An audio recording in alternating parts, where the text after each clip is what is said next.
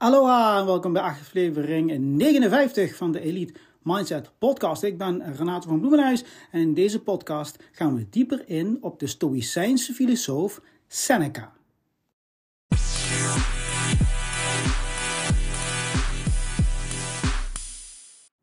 Seneca is een hele bekende Stoïcijnse filosoof. Eigenlijk uh, een van de bekendste na Marcus Aurelius. En een ander is bijvoorbeeld Epictetus. Um, maar we gaan het nu hebben over Seneca. Die werd geboren, uh, geboren in wat, um, wat nu Spanje is. Um, en natuurlijk ook onderdeel was van het Romeinse Rijk. en hij is ook bekend geworden later, uh, nadat hij uh, allerlei omzwervingen had gedaan. Hij werd verbannen. maar uiteindelijk kwam hij als zeg maar een soort adviseur in dienst bij de keizer in opleiding Nero. Nou, Seneca probeerde Nero uh, te leren om een, eh, een goede, uh, wijze keizer te worden. Um, om zo een reeks slechte keizers te doorbreken. Ik heb het al eerder over gehad, zeker vroeger, in de vroegere tijden. mensen met absolute macht waren meestal ook hele akelige mensen. Want ja, je moet, je moet je voorstellen dat jij alles kan, alles mag, wat je maar wil. Ja, uh, meestal is dat niet echt, loopt dat meestal niet echt goed af voor de mensen uh, om je heen en die lager staan dan jou, want je kunt er daadwerkelijk alles mee doen. Um, zonder, uh, ja, zonder daarvoor gestraft te worden. Dus je, je kunt eigenlijk alles, absolute macht. Um, en ja, die Romeinse keizers, ja, er, waren een hele reeks van, die, die waren zeg maar niet echt heel aangename mensen. En Seneca probeerde Nero in ieder geval uh, te leren om, om een, een goed mens te zijn, een goede, wijze keizer.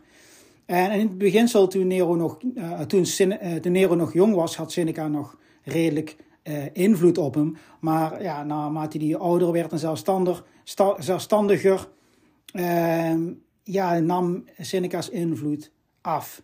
de keizer die werd vreder, wilder. En uiteindelijk uh, werd het uh, echt, een, een, echt een absolute afschuwelijke tiran. En je zou later ook bekend worden als de slechte keizer. Ja, omdat Nero dus zo'n afschuwelijke, vrede keizer werd, trok Seneca zich terug en begon zich meer te richten op, op de filosofie. Um, ja, maar Nero die, die vond het allemaal niet goed en die dwong Seneca om zelfmoord te plegen. En ja, dat, dat was uh, het tragische einde van Seneca, de Stoïcijnse filosoof. Nou, wat was Seneca's invloed op de Stoïcijnse filosofie?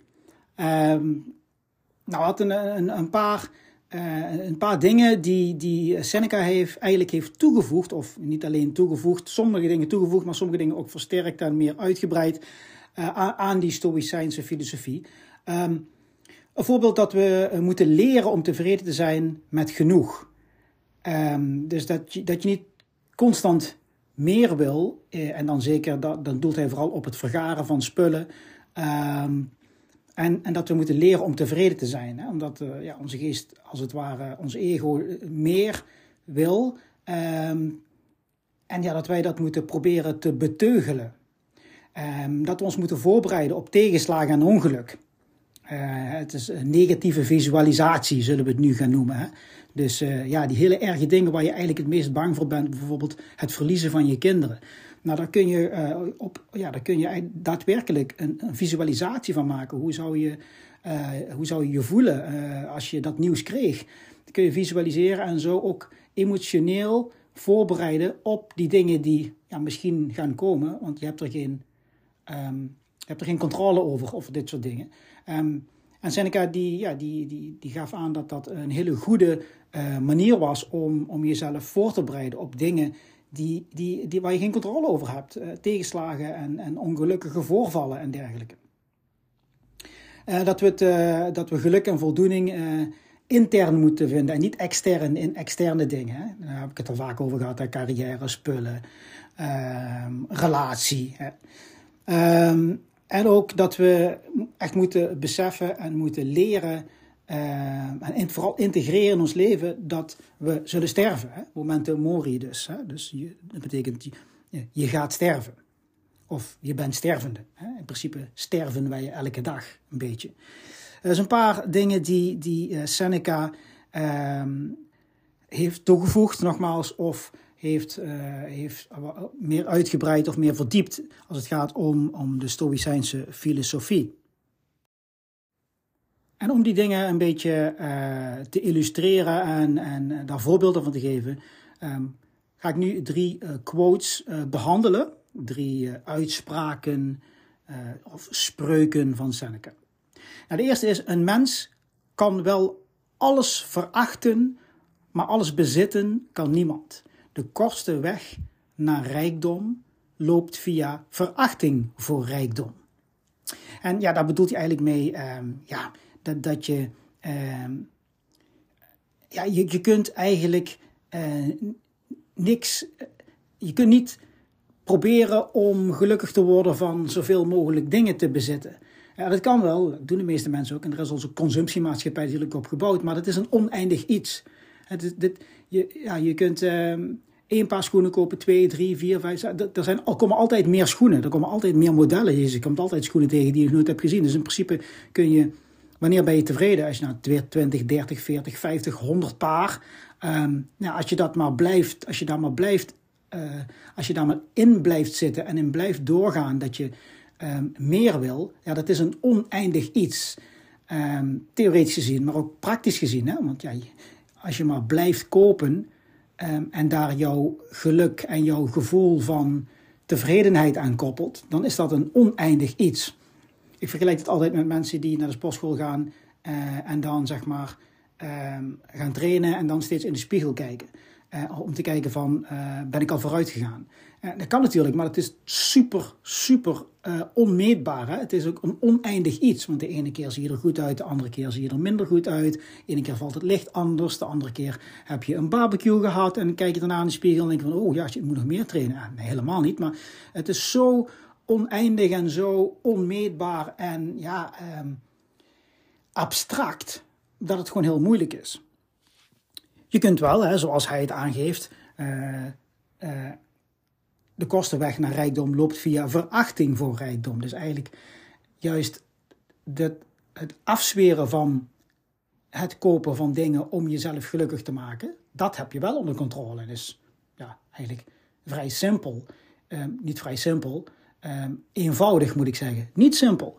Um, en ja, je kunt daar een voorbeeld van nemen aan veel van die Stoïcijnse filosofen, maar ook heel veel als je kijkt bijvoorbeeld naar uh, boeddhistische monniken en zo. Hè, die hebben geen bezittingen en die maken zich daar ook helemaal niet druk om. Die zijn daar helemaal niet mee bezig.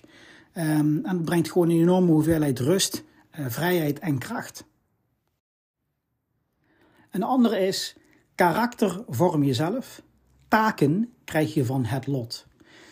En ja, dat doelt vooral hè, op, op, degene, op het werken aan je interne. Hè. Alles wat er buiten komt, ja, dat, dat komt toch wel. Dat, daar heb je geen controle over. Je karakter, hè, je interne kompas, jouw, jouw, al je de dingen die jij zelf bent, dat kun je zelf vormen. Jij kunt zelf beslissen wie jij bent. Ik heb het vaak over dat eigenlijk wie je bent, als je daar helemaal niet mee bezig bent, is eigenlijk helemaal niet wie je bent. Dat is eigenlijk wie jouw ouders en je omgeving en al jouw ervaringen hebben gevormd. Op het moment dat jij zegt van oké, luister, ik wil die en die en die persoon zijn, dan kun je echt gaan vormen wie je zelf bent. Dus karakter vorm jezelf, taken krijg je van het lot.